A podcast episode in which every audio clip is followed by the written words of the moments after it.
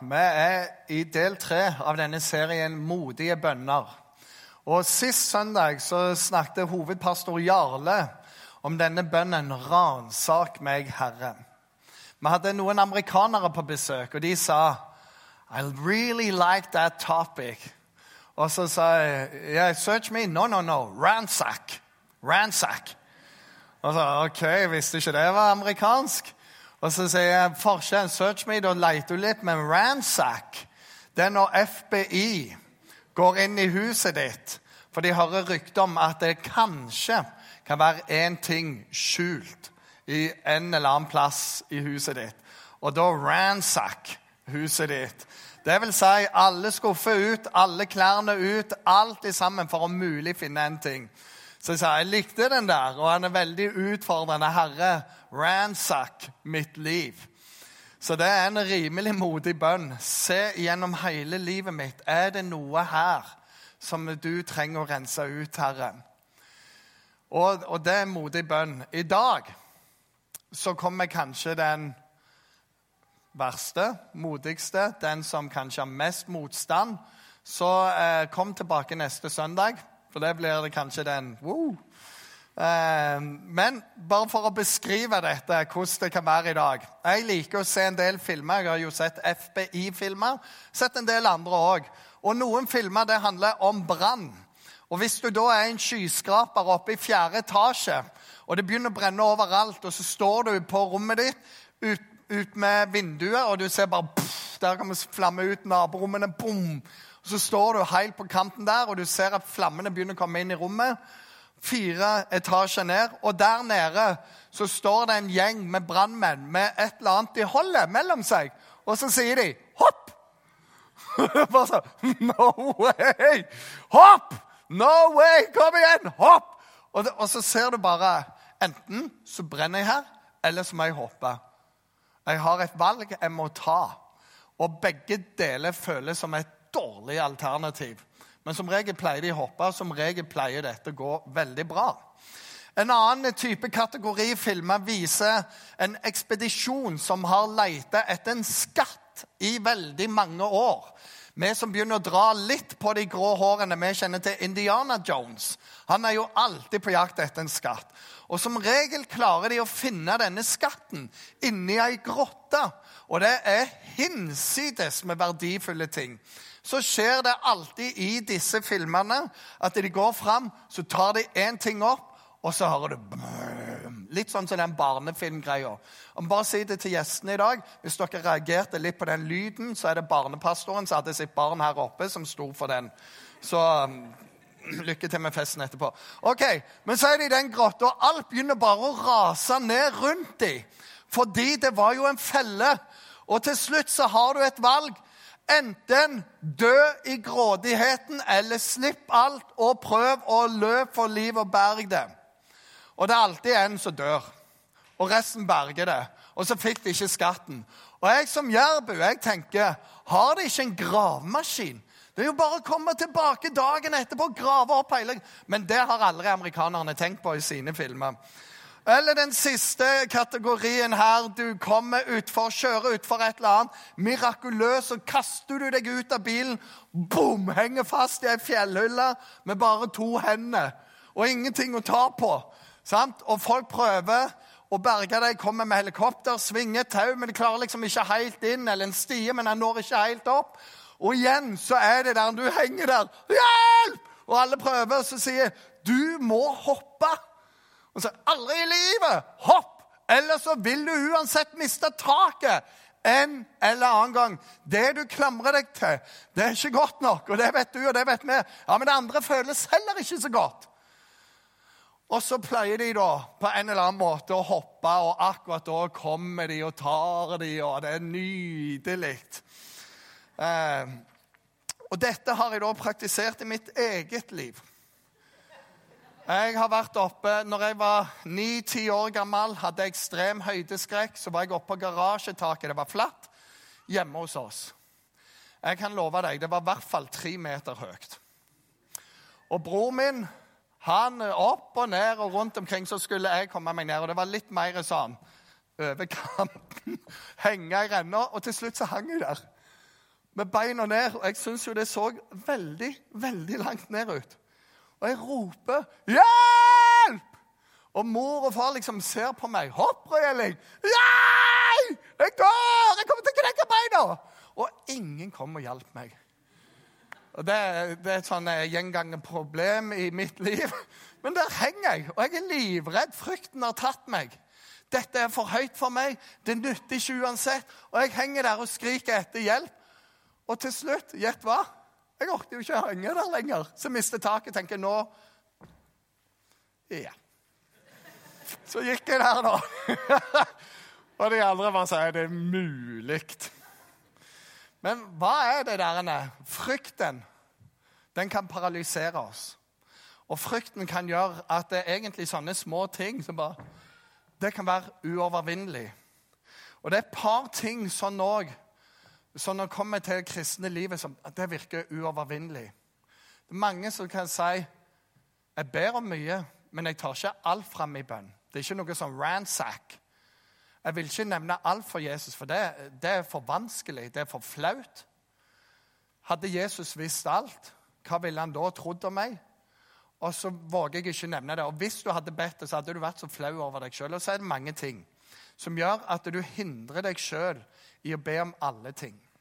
Kong David han hadde det på samme måte, og han hadde gjort noe som var verre enn mange av oss kommer til å gjøre. Og Så skriver han dette i Salme 32. Så lenge jeg tidde, så ble mine knokler tært bort mens jeg stønna hele dagen. Så aldri i livet om jeg bekjenner dette for Herren, aldri i livet om noen skal få vite det. For dag og natt lå din hånd tungt på meg. Min livssaft svant som sommerens sete. Da bekjente jeg min synd for deg, og, du, og skjulte ikke min skyld. Jeg sa, jeg vil bekjenne mine lovbrudd for Herren, og du tok bort min syndeskyld. Det er noe med det der å henge der og si det der gjør jeg bare ikke. Og så erfarer han at han lander på stødig grunn, og han kan gå videre. Og resten av salmen er nydelig om hvorfor. Derfor skal du alltid kunne prise Herren, for han tar det bort ifra deg. Men du må komme til med han. Men det virker som en sånn aldri i livet-bønn. Og dagens bønn kan være enda vanskeligere. Og det er en 'la din vilje skje' i hele mitt liv. La din vilje skje. Det er en sang som går sånn. Den kommer opp på veggen, den òg. Den går sånn. Den vanskeligste bønnen å be med ærlig sinn er bønnen 'La din vilje skje'. For egen vilje blander sitt eget ønske inn, og overfor Guds tanker er viljen ofte blind. Men Herre, gi meg motet til å be. La din vilje skje. Den siste sterke bønnen som Jesus lå og ba, var bønnen 'La din vilje skje'. Om det som ligger foran, er lett å flykte fra, og ingenting gir lyst å si det Jesus sa, så Herre, lær meg likevel å be. La din vilje skje. Den enkle, stille bønnen som åpner Herrens vei, er bønnen 'La din vilje skje'. Og den som ber om dette, vil ikke lett gå lei, men stadig overraskes og stadig undre seg. For Herre, det er spennende å be. La din vilje skje. Når vi tar imot Jesus, så tar vi imot han som frelser og som herre. Den, den pakke her. Og I Norge så liker vi gjerne frelseren Jesus. Og så lager vi Jesus i en Kardemommeby-greie. Og det skal være så snilt og godt, men han sa både frelser og herre. Og Det betyr at når du tar imot Jesus, så er det en endring i livet. Omvendelse. Det betyr ny retning. Vi som har vært i militæret, vi vet det. Vi kunne si 'hold høyre om', og så var det bare Og så marsjerer jeg i en ny retning. Og med Jesus er det òg et sånn holdt, og så en ny retning for livet ditt. Kvinner som blir grepet i ekteskapsbrudd. Jesus spør henne fordømmer noen deg. Nei, herre, ingen. Sier han heller ikke jeg gjør det. Det er frelsen, det er mottakelsen. Og så sier han gå bort og synd ikke mer. Det er å få en ny retning for livet. I det så tar Jesus vekk skammen og skylden, og han sier at det fins en verdighet ved å følge meg. Men det kan være vanskelig for oss. og spesielt i vår kultur, der vi skal være fri. Det er idealet. Jeg skal være fri, selvstendig, individuell. Og så går vi glipp av hva ordet 'fri' egentlig betyr. Det betyr å være frivillig bundet til noe. Hva er du bundet til? Jeg er ikke bundet til noen ting. Ja, Da er du bundet til det. Nei, ingenting. Jo, det er alltid noe som bestemmer over deg. Hva er herre i ditt liv? Og noen er sånn Min nase, den går der pengene går. Hvor enn pengene går, der går jeg. Og de lar det styre. Barna kan styre vår tid. Mine amerikanske venner som jeg nevnte, de sier dere nordmenn dere dyrker barna deres så hinsides. Helt sjokka hvordan de styrer hele agendaen. Så for dem er det en avgud. Og så syns vi noe om amerikanerne. Og spesielt når de sa det. Da skal de i hvert fall få høre at de er sånn. Og de valgte Trump til president. og sånn, sånn, sånn, sånn. Men det er ting som styrer oss. Hvem legger du deg under, eller hva legger du deg under? Hva er det som styrer livet ditt? Og så må jeg bare si noe midt oppi dette. Happy wife, happy life. ok? Har ingenting med dette jeg snakket om her. Fordi en profet i Bibelen ble tiltalt av et esel. Men vi blir ofte tiltalt av våre koner, og det er Herren sjøl som taler gjennom det. Av og til så hvisker han ting i øret, når vi ikke hører på det, så bruker han konene våre. Og de maser hull i hodet på oss. Vi lærte det her oppe om godteri i dag. sant? Og det er akkurat det samme. Ok, til slutt så hører du det. Happy wife, happy life. Selv om Jesus er herre i våre liv. Og Jeg syns noen damer kunne gitt meg et amen på akkurat den der. Noen crits. Og når vi først snakker om damer, da, så la oss gå over til ei dame i Bibelen Jesus han ligger og spiser mat. Jeg er glad for at vi ikke trenger å følge alt i Bibelen, men at vi nå kan sitte og spise. Men der lå de og spiste. Midt i denne festen så kommer det ei dame inn. Hennes navn er Maria. Og Hun hadde opplevd Jesus på en ufattelig god måte. Hvordan han bare så henne, frelste henne. Og så er det noe med hennes hjerte som bobler over. og sier, Hvordan kan jeg vise min kjærlighet til Jesus, til min Jesus? Hvordan kan jeg vise at jeg takker han som frelser, og jeg har gjort han til herre i mitt liv? Og Det beste hun kan komme med, det er ei krukke. Det står alabaskrukke som går inn i festen. Og den ene teksten her står det at Jesus var hos, eh, i Betania hos Simon den spedalske. Tenk å ha det navnet. Hva heter du? Simon den spedalske. Det betyr at alt er galt med deg. Noen har synda. Det er du eller foreldrene dine. Du er den spedalske. Herren vrede over hele livet ditt. Her, Jesus går inn der og sier det er det vel ikke. Her er Herrens frelse nær. Jesus er nær hos deg som andre kaller navn. Mens han lå til bords, kom det inn en kvinne med alabaskrukke med ekte og kostbar nardussalve. Hun brøyt krukka og helte det ut over hodet, står det i en tekst. I en annen tekst så står det med ett pund, et pund ekte kostbar nardussalve og salve til Jesus sine føtter og tørka dem med håret sitt. Hele huset blir fylt av denne duften. Judas Iskariot han er ikke på den samme kanalen som Jesus. Så han sier, 'Hvorfor gjør du dette? Kunne vi ikke solgt den salmen for 300 denarer og gitt pengene til de fattige?' Han sa ikke det fordi han brydde seg, men han sa det fordi han var grisk og han pleide å stjele penger av kassen. Og greia er 300 denarer var verdien. En denar på den tida det var ca. én dagslønn. Så vi snakker om 300 dagslønner knust over Jesus. Et års inntekt er det. Bare der sløser du det på Jesus. Og så kan vi tenke wow, hva er det? For hun er neppe sånn veldig, veldig rik, denne dama. Men hun har bare møtt en ufattelig Jesus. Jeg kan ikke noe annet enn å bare gi han alt. Men hun gjør noe mer i dette. Fordi hennes yrke var å være prostituert. Og på den tida der så var det sånn at, for, at de skulle da kunne si at 'jeg er på jobb, og du kan leie meg', så tok de på dette her, så det lukta godt. Så når de gikk forbi på veien, så kunne du kjenne lukta. Og en del mann sa ja, den businessen den kjenner jeg til. Og så gikk de og kjøpte sine tjenester. Så når hun knuser dette, så knuser hun hele jobben sin, hele inntektsgrunnlaget, alt i sammen. Og det er som sangen sier, alt for Jesu fot jeg legger. Hun bare smører det ut over Jesus sine føtter. Hun sier, 'Her er livet mitt. Her er alt jeg holder fast med.' Ingen måte jeg kan gå tilbake for kanskje spare så mye penger igjen. Og jeg er ferdig med det gamle livet mitt. Det er Jesus som lever i meg. Hun knuste alt for Jesus. Alt for Jesu fot jeg legger. Og så er det noe med Jesus, for han knuste alt for oss. Og det er noe med det grunnlaget der. Det står i det samme kapittelet i Markus mens de holdt et måltid, så tok han et brød, og så brøyt han det. Ga de, og så sa han, 'Ta imot, dette er min kropp'. Og vi sier gjerne i, i, i nattverden det er Jesu legeme brutt for deg. Han, hans kropp ble brutt på Golgata. Han ble piska, han ble slått. Kroppen ble gjennomboret, og kroppen ble hengt på et kors. For deg og for meg. Så jeg så høyt elska Gud verden at han ga Jesus for oss.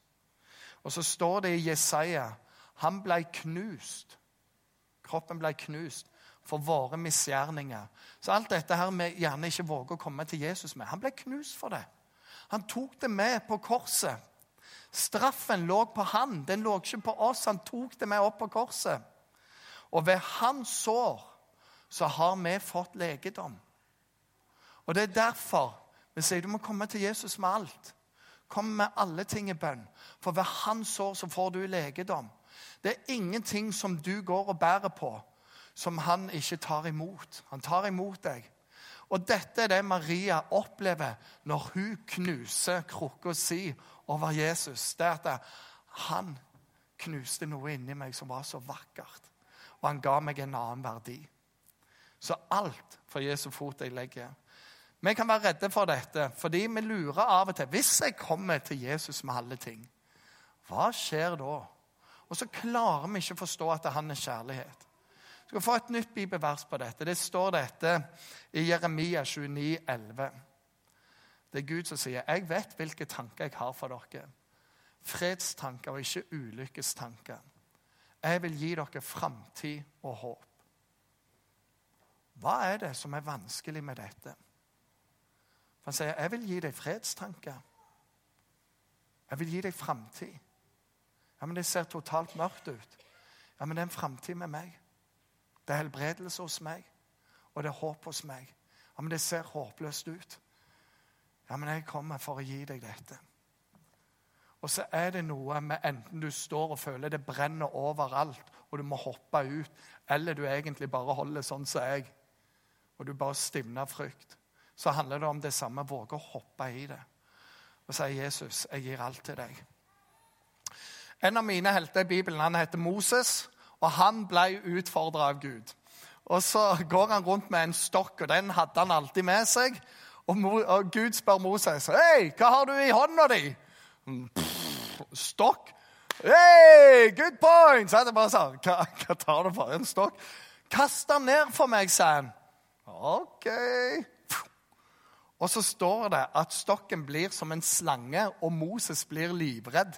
Og Jeg ser jo for meg, jeg har bitte litt livlig fantasi, så bær om. Men jeg ser jo Gud, det der, Jesus, Den hellige ånd, en haug av engler ser på det. Se, nå holder han på. Og så kaster han ned, blir til en slange. Så ser du bare alle Gud sier, holder på å lære han noe. Og Så sier han, grip nå den slangen i halen. Så gjør han det. Og så står det at han stivner i. Det som er interessant å se i teksten, det er at det før så står det om en stokk i hånda til Moses. Etter dette så refereres det til gudsstaven som Moses hadde i sin hånd. Skjønner du forskjellen? Å gå med en stokk og ha en gudsstav. Og denne gudsstaven som var velsigna av Gud, den kunne han sette i vannet, så det bare delte seg, og de kunne gå igjennom.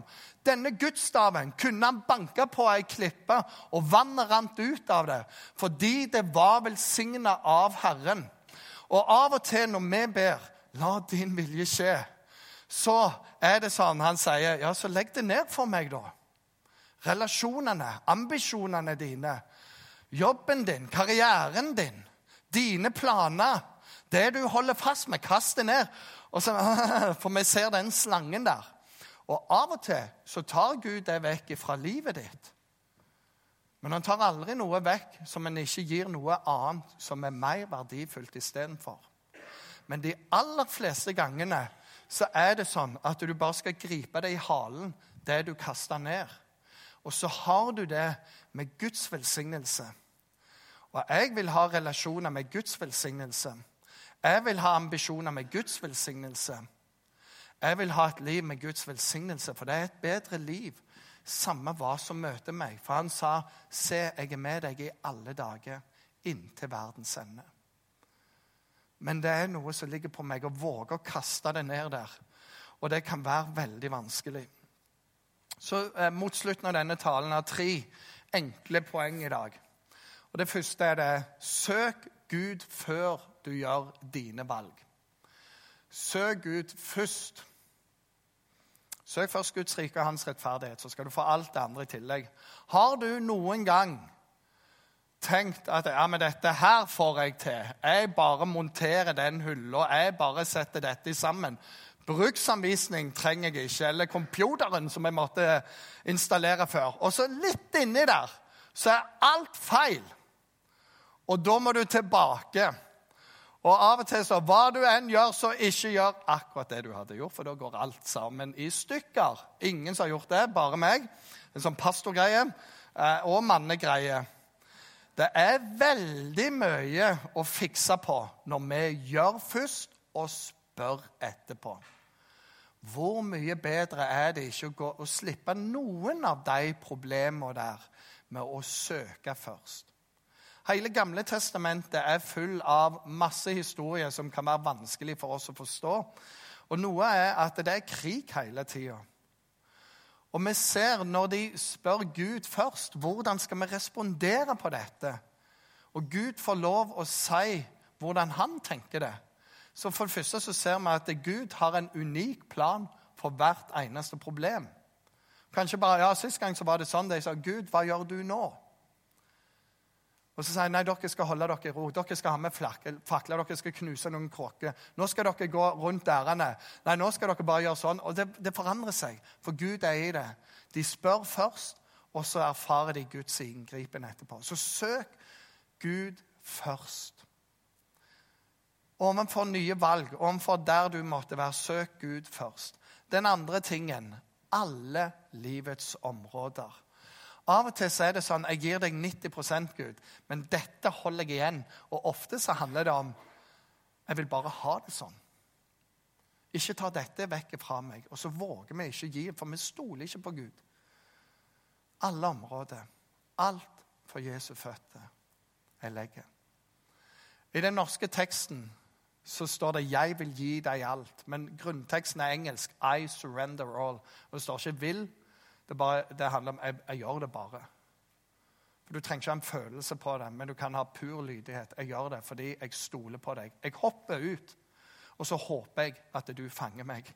Nå gjør jeg mitt steg. Ingen skapning er skjult for ham. Alt ligger åpent og naken for øynene på ham, som vi skal stå til regnskap for. Så hvorfor prøver vi å skjule det han allerede ser? Våg å gi det. Til slutt vil jeg spørre deg hva er den ene tingen du trenger å gi til Gud nå? Og Når jeg forberedte dette, så kan jeg si at det er mange ting det kan være.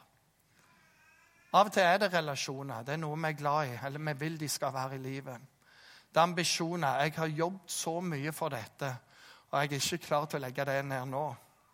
Jeg har planlagt en vei for livet. Økonomi, som jeg har strevd så mye for.